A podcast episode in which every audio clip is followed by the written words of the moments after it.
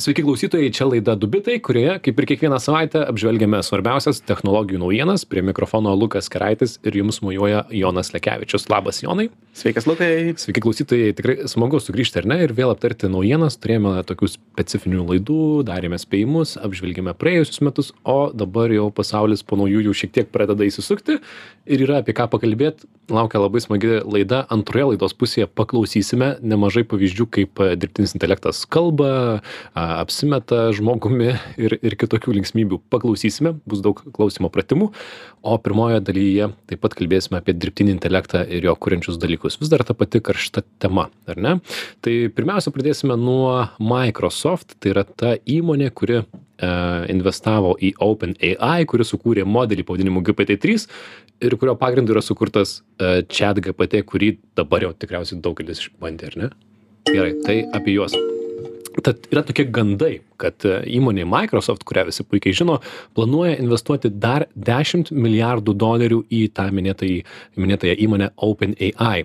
Milijardą į startuolį investavo dar du tūkstančiai devynioliktais metais tuomet gavo ekskliuzyvines teises naudoti openai technologijas savo produktuose.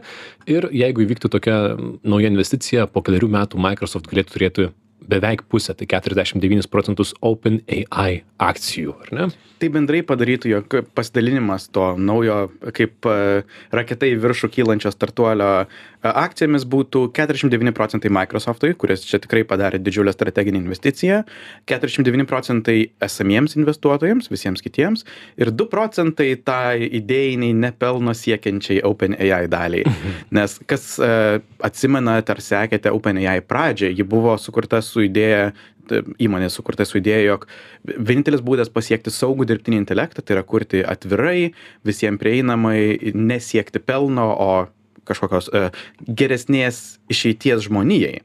Tačiau, galima sakyti, ta transformacija iš to nepelno siekiančios gražios idėjos jau yra pabaigta su šita, su štai nauja investicija.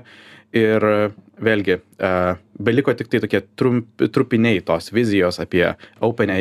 Daug kas sako jog openai yra open tiktai pavadinimu. Mhm. Prieš kelerius metus ir aš pats tą padarydavau klaidą sakydamas kad openai priklauso elonui maskui kuris iš esmės tiktai na prisidėjo prie pradžios prisidėjo prie tos pradžios kada vizija dar tikrai buvo tas atviras dirbtinis intelektas apsaugoti žmoniją nuo blogios blogos ateities bet ta vizija sakau jau tikrai yra išėjusi. Taip ir dabar matau antraštes ir klaidas kad openai priklauso microsoft. Tai nepriklauso bet microsoft yra tokia pagrindiniai investuotojai. E, tai žodžiu, na, jeigu viskas pavyks kaip, kaip norima, tai įmonės vertė gali pasiekti 29 milijardus dolerių būtų panašiai kaip Dell ar Hyundai, ar ne? Mhm. Ir, na, OpenAI galėtų būti vienas potencialiai didelis technologijų gigantas. Apie šiaip ar taip žmonės jau žino, dėl čia GPT.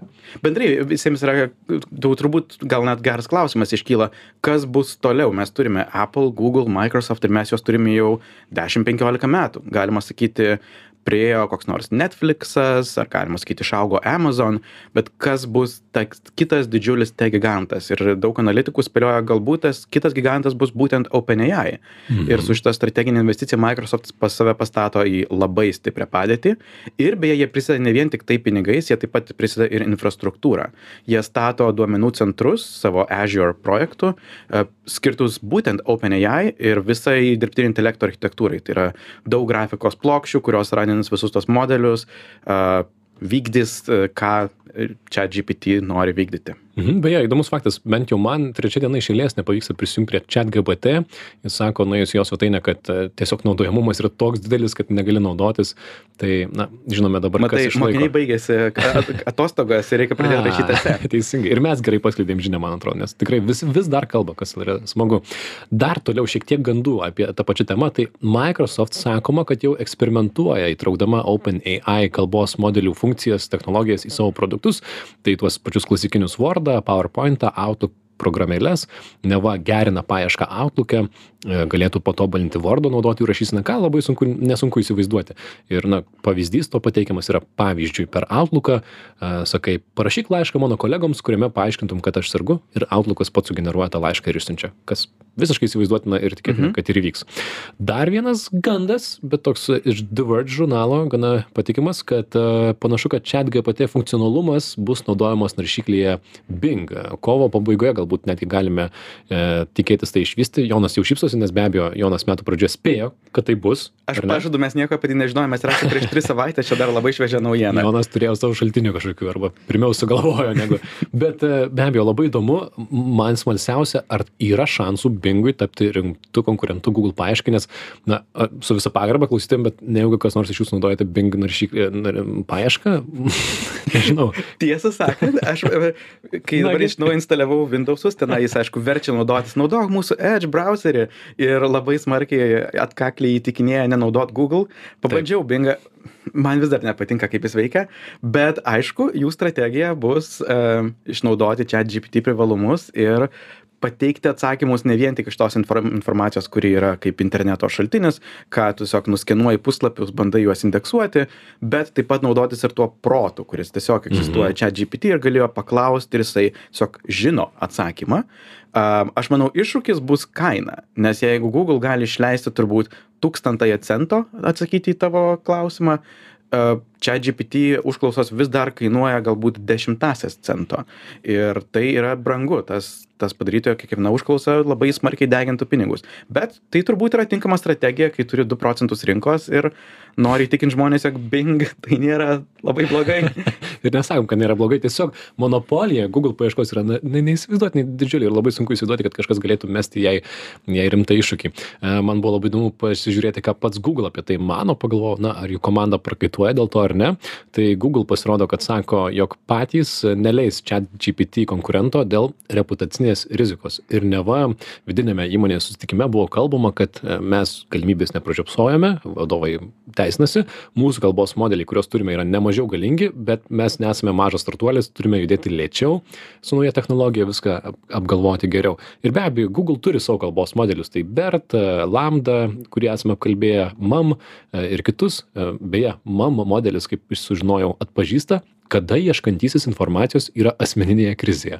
Tad, Ir bendrai jis yra visai protingas modelis, gebantis apjungti labai daug skirtingų medijų ir sintezuoti informaciją, kuris gali paimti iš video, paveiksliukų, teksto ir vėlgi bandyti kurti tokį vieną vientisą intelektą, apjungti visą informaciją. Tad e, Google tikrai nėra labai toli atsilikę šitose lenktynėse.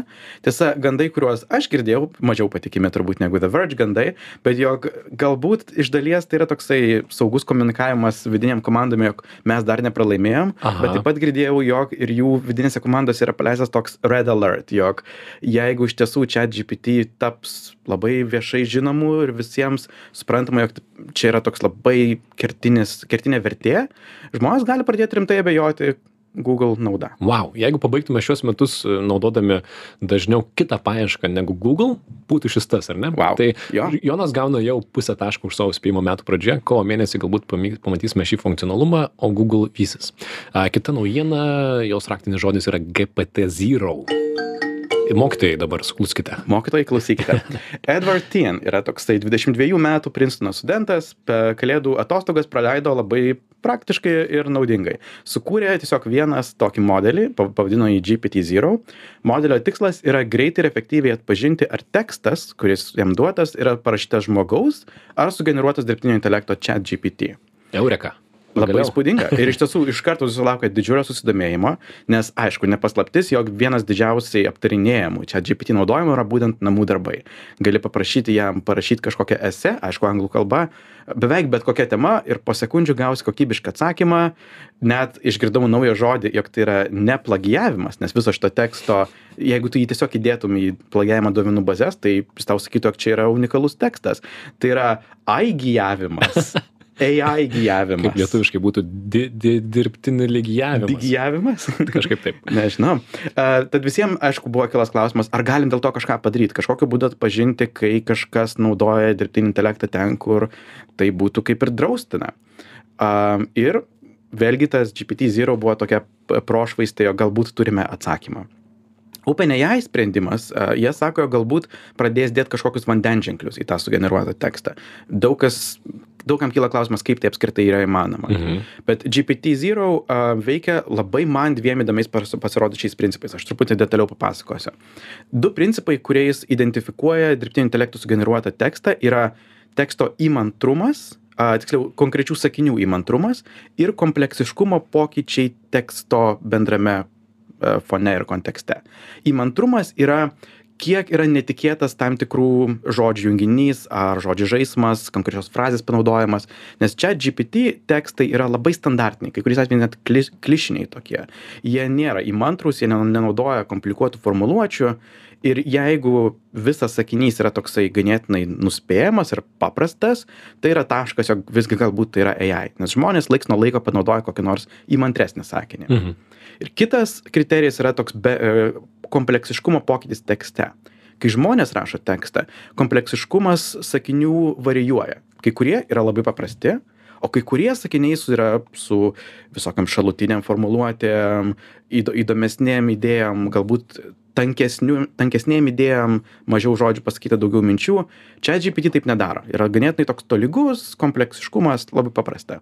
Ir vėlgi dar vienas taškas jog tai yra ai tekstas. Mhm. ir jeigu sukaupi pakankamai taškų gali įtikint save jog yra visai didesnė tikimybė jog tas tekstas yra parašytas ai aišku visa tai yra žiauriai apytiksliai nes jeigu paimtum kažkokį pradinuką ar šiaip žmogų nepratusį rašyti įdomių tekstų jis gali daryt tas pačias klaidas rašyt paprastus sakinius be komplikuotų formuluočių. Čia tikrai nėra toksai juoda balta mes žinom arba nežinom jog čia yra dirbtinis intelektas. Ir dar viena mintis pabaigai yra jog su kuo turime geresnius įrankius identifikuoti dirbtinio intelekto generuojamą tekstą tuo labiau tuos įrankius galima naudoti kuriant ateities dirbtinis intelektas. Galbūt šitas įrankis sėkmingai identifikuoja tą gpt trys generuojamą tekstą bet jis yra tiktai puikus dalykas panaudoti kuriant gpt keturi ar gpt penki kuris jau tada išmoktų kurti komplikuotesnius sakinius įmantresnes formuluotes ir taip toliau. Tad galima sakyti jog kiekvienas toksai atpažinimas yra laiptelis ateities intelektams tiesiog palipti į viršų. Mhm. Ir man atrodo, kas klauso mūsų dėstytojai ir mokytojai, tai pirmiausia, jiem klausimas, pala, pala, tai duokit man tą, tą išbandyti, ar ne, nes e, jūsų mokiniai e, tikėtina, kad naudoja jau dirbtinį intelektą rašymui, tai GPT-0 šiaip yra nemokamas, bet aš pamėginau, pavyzdžiui, užsiregistruoti, tai, na, suvedžiau visą savo adresus ir panašiai, bet jokio žinutės kol kas iš jo negavau, bet, e, na, įdėsime į šaltinius ir kas norite, pamėginkite, galima bus susiregistruoti ir pamėginti e, įkėlus tekstą sužinoti, ar jis sukurtas čia GPT ar ne. to priežastis buvo todėl jog tą sukūrė vienas vaikinukas e, kuris buvo įkėlęs į labai mažą serveriuką kuris nebuvo nė kiek pritaikytas tūkstančiam žmonių kurie iš karto pradėjo tą bandyti ir tu manau turbūt buvai turbūt jau net vienas iš milijono turbūt kuris tą bandė e, Tikriausiai. paspausti tai bus įdomu ar jis bandys tą konvertuoti į kažkokį rimtą projektą kuris identifikuotų ir galbūt padėtų mokytojams ar ir kitiems ar Viskas- tai pataps tiktai Viskas idėja? vieno 22 metų studento rankose, iš esmės. Taip. Žinių radio klausytėjams priminame, kad girdite laidą Dubitai, aptarėme svarbiausias technologijų naujienas, apie dirbtinio intelekto naujumus kalbėjome, o dabar šiek tiek pakalbėkime apie garsus rytį, pakalbėjome, ką daro dirbtinis intelektas tekste, o dabar norime tikrai paklausyti. Pirmiausia, papasakosime apie tokį naują įrankį Valley. V-A-L-L brūkšnys E. Aš papasakoju, ar ne? Microsoft sukurtas e, tekstą šneką paversti, e, tekstą šneka galintis paversti įrankis, jisai simuliuoja konkretų žmogaus šnekėjimą. Iš esmės, paimi vieno žmogaus kalbėseną, šneka 3 sekundžių, kieno nors. pavyzdžiui, pavyzdžiui, Pavyzdžiui, aha, There will be widespread support on all sides. Ir tiek užtenka tiek. Ir dar labai svarbu, kad tai yra vidury sakinio, vidury žodžio paimtas. Tiesiog pusė žodžio nukirsta, dar trys žodžiai ir dar pusė žodžio, paduodėtas 3 sekundės ir tuomet e, tas volley įrankis gali nukopijuoti toną, manierą, netgi kambario akustiką ir tau paduoti pagal tekstą, na, kaip skambėtų tas žmogus toliau.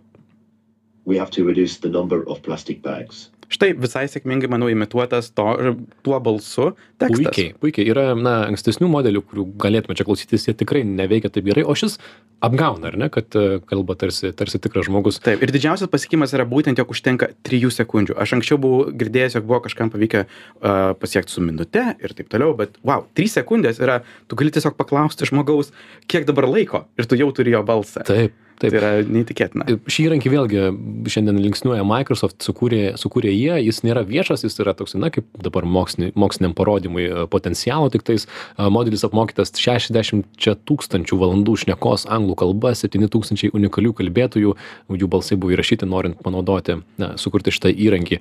Um, be abejo, kyla klausimai, kas, kas, kas būtų, jeigu paviešintų tokį modelį, ar ne, mm -hmm. kai paskambintų tau Jonai kažkoks numeris vidury nakties sakytų, labas, čia Lukas, Jonai, ateik, man reikia inksto tavo.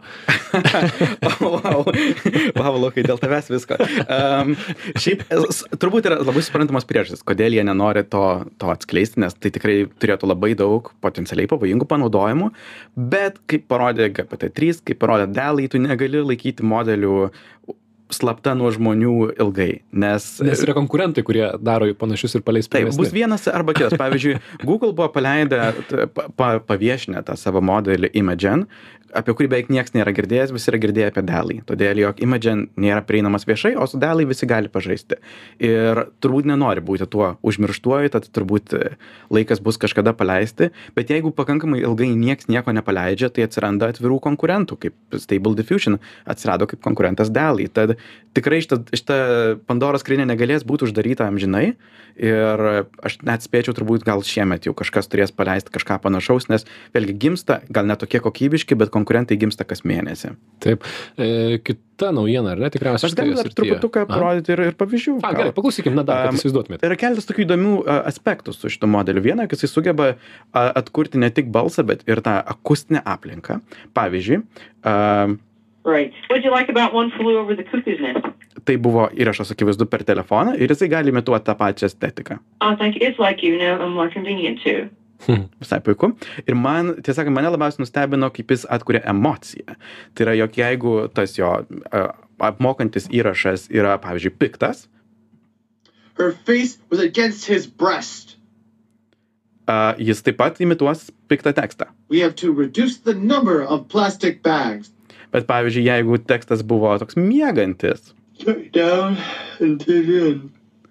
Tuomet tą patį tekstą jisai pasakys lyg beveik miegodamas. We have to reduce the number plastic bags. Ir be abejo, aš įsivaizduoju tą funkcionalumą, kad tiesiog duodi tekstą ir pasirinki vieną iš emocijų stulpelėje ir jis tikriausiai taip pat galėtų tai padaryti. Tai dar kartelį. Tai reikia trijų sekundžių, bet kurio žmogaus šnekos, kad galėtum atkopijuoti jo balsą. Tai tie, tie žmonės, kurie ne, nemiega ramiai dėl dirbtinio intelekto pasiekimų, tai turės dar vieną priežastį. Aš paminėčiau dar vieną iš praeitų metų pavyzdį. Pernai vasarą Amazon paskelbė, jog jų balso asistentas Alexa taip pat galės imituoti bet kokį balsą. Jie sakė, užtektų vos minutės pavyzdžio. Ir wow, Amazon. Jų pavyzdys buvo, jog Alexa šnekėtų mirusios močiutės balsu. Jie sakė, visi esame praradę mums svarbių žmonių. Amazon, paklausyk, čia yra vienas blogiausių pavyzdžių, ką galėtum duoti. Nežinau, kaip jie sugalvojo, kad mes to norime. Galbūt kažkas to nori, bet būtų šiek tiek keista, ar ne? Tikriausiai. Tai va. Bet e, balsų ir šnekų naujienos dar nesibaigia. Apple pristatė dirbtinio intelekto įgarsinamas audio knygas ir tai daro jos super, super gerai. Mes taip pat galėsim paklausyti, ar ne? E, Tai šita sistema turi po keturis balsus - moterišką ir vyrišką dviem specifiniam žanram, romant, e, romantiniams romanams ir savo pagalbos knygoms. Bet iš esmės, na, tai atveria galimybės įgarsinti staiga greitai bet kurią knygą ką iki šiol reikėdavo daryti su profesionaliais e, autoriais. Sistema yra įdomi tuo, kad jinai turi keturis konkrečius balsus, po moterišką ir vyrišką, skirtą dviem specifiniam žanram. Tai yra romantiniams romanams ir tokį savipagalbos self-help knygoms. Tai aš dar pasakiau, kol dabar ieškojai, kur paleis atsiprašau. failus. Bet galim paklausyti, ar ne? E, Taip. Kaip tai skamba. Uh, taip, ir... Uh, Bandom didžiauti vieną ranką su Jonu ir leisti jums įrašus. Taigi dirbtinis intelektas į, įskaito knygas. galim paskaityti, pavyzdžiui, iš pradžių romantinę. In Gerai. the greenhouse drew his eye, and a woman emerged. At first, he wasn't sure. The woman was about the right age, but there was something different about her, about the way she carried herself. Geras. Visai neblogai. Ir iš Klausyčiau. tiesų yra įspūdinga, kaip tai veikia su intonacijomis ir visa kita. Galim palyginimui, kaip, kaip tas, pats, pavyzdžiui, moters balsas pasikeičia, kai tai jau yra savipagalbos knyga. On nights with a new moon, we would walk to the end of the beach to find our favorite constellation, the Pleiades. I know Bill carried within him deep currents of spiritual yearning that he found easiest to express. Visai neblogai. Mhm. Ir tai yra dirbtinio intelekto sugeneruoti balsai. Tai žodžiu, balso aktoriai, e, ačiū durys yra štai kaire. Taip, A, savo šitame pranešime Apple labai smarkiai pabrėžė, jog jie labai vertina ir myli balso aktorius, jie toliau planuos uh, rodyti jų kūrybą ir taip toliau. Prašom nekaltinti mūsų, jog mes atimame darbus iš įgarsintojų ir aišku, pirmi kaltinimai jiems buvo, jog jie atima darbus iš įgarsintojų. Ir aišku, labiausiai garsiai tą kritikuoja knygas įgarsinančios kompanijos, aš esu labai šokiruotas tuo. labai tikrai netikėta, bet be abejo tai atveria galimybės įgarsinti mažiau populiarias knygas, e, kurios na, neturi tam finansų ir panašiai. Bet kol kas tik tai dalis knygų yra įgarsintos, ar ne, Apple, Apple program, na, tose platformose. Taip, ir vienas iš turbūt priežasčių, kodėl taip yra ir tai užtruks visai ilgai, kol kas Apple sako, jog įgarsinti knygą tokiu būdu uh, užtrunka vieną, du mėnesius. Neretai žymiai ilgiau negu tai užtruktų žmogui, balso aktoriui. Um, Apple konkrečiai nekomentuoja, kodėl, išskyrus paminėjo, knyga turi praeiti jų kokybės kontrolę. Mano spėjimas yra, jog intonavimas yra iš tiesų toksai turbūt vienas iš didžiausių pasiekimų šito balso modelio. Mhm. ir aš spėju galbūt tą, da, tą dalį daro iš dalies žmonės. Šiek tiek anotuoja pavyzdžiui kuris tekstas yra ironiškas kuris Mm. tekstas yra juokas juokelis e, kas yra sakoma piktai arba liūdnai. E, nes šito paprastai neautomatizuosi. Tu turi suprast visą kontekstą knygos. Ir gali būt jau būtent tai ir užtrunka tą vieną du mėnesius aišku šitą dalį ilgainiui tikrai galės turbūt pakeist dirbtinis intelektas bet šiuo metu manau tą daro žmonės Mhm, tad atsiprašau, balso aktorių prašome sugrįžti dar šiek tiek į salę, dar jūs reikali, reikalingi. Čia juokaujam, aišku, bet, na, žodžiu, kad nėra taip jau visai, visai paprasta šią akimirką, bet dar darosi vis paprasčiau ir tie, kas įgarsina audio knygas, tikriausiai šią akimirką taip pat sprendžia, ką reikės daryti. Dar keletas paklausimų pabaigai. Labai trumpai norime, noriu tiesiog duoti pavyzdį, kaip, kaip ir buvo galima tikėtis, šiuo metu jau yra kuriamos tinklalaidės, kuriuose kalbasi dirbtinis intelektas. Pavyzdžiui, radau pavyzdį, kai Joe Rogan kalbina Steve Jobsą ir tiesiog, kodėl aš to nepagalvojau anksčiau, paklausykim, kaip tai skamba. love, feel love for each other, awe and respect for life, love and connection with people, that ultimately some infinitesimally small thing that I am is connected to everything that's happened before. Atrodo kaip Steve Jobso pranešimas. happening now and always in the future. There is no time window at deliverance. Mhm, Kur. Roganas šneka, Roganas. pakalbėkime, paklausykime Rogano. I remember that result in products. The watch companies, we've seen the, all the engineering trying to get something out that Apple got lections and science has also been. many Oh, people Steve for Jobs something like monologas. so powerful and it means so much. Is that good? If a company gets to the point where it's successfully doing a few things, you don't have to try and do everything. Mhm, Tai trumpai girdėjome Joe Roganą, bet tiesą pasakius, šitam podcast'e paklausius ilgiau, tai Steve'as Jobsas labai girdisi, kad jo jis yra apmokytas savo pranešimų balsu ir jisai kalba kaip pranešimuose ir kartais juokiasi labai keistose vietose. Tuo tarpu Joe Roganas skamba labai, labai tikėtinai ir, na, tik laiko klausimas, kada išgirsime dar podcastų, tinklalaidžių, kur kalbasi, nei, na, įsivaizduojami žmonės. Aš manau, kažkas padarys anksčiau ar vėliau tai lietuvių kalba, bus, bus labai įdomu, kokius veikėjus parinks, kas su kuo kalbėsis. Taip. Manau, čia turbūt kintamasis yra tas, jog, aišku, Džeroganas kuria podcastus, mhm. Steve Jobsas niekad net ne, nėra buvęs podcastuose iš esmės. Tai uh, tikrai labai skiriasi balso intonacijos ir, ir, ir tikslas. Taip. Ir pabaigai, jeigu jums pabodo visi podcastai ir norite kažko naujo, norime parekomenduoti tokią svetainę infiniteconversation.com, kurioje galima klausytis visų žinomų slovenų filosofo e, Žižeko bei vokiečių režisieriaus Werner Herzogo pokalbio, kuris vyksta be pai- pabaigos. Tai be abejo kalbasi ne jie, kalbasi dirbtinis intelektas, kuris apmokytas jų tekstais ir balsais. Visą tai sukūrė lapkritį italas menininkas, programuotojas e, Giacomo Miceli. Sako, kad tokį sukurti nebuvo labai sudėtinga, bet tiesą pasakius, buvau du kartus įsijungęs paklausyti, ką jie šneka. Abu labai savotiški veikėjai, charakteriai, ar ne? Ir abu kartus visai pasijuokiau. Tad klausomės uh, Žižeko ir Hercogo pokalbio jų chatbotų. Okay. But there's something about this film that you cannot explain in the way you can with other films. Let's say, for example, that I were to take a knife and stab you in the stomach.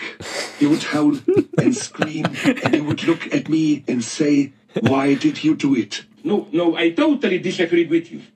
The perversity of your films is that that you are doing it for no reason. But the point is that, that we cannot account for this madness.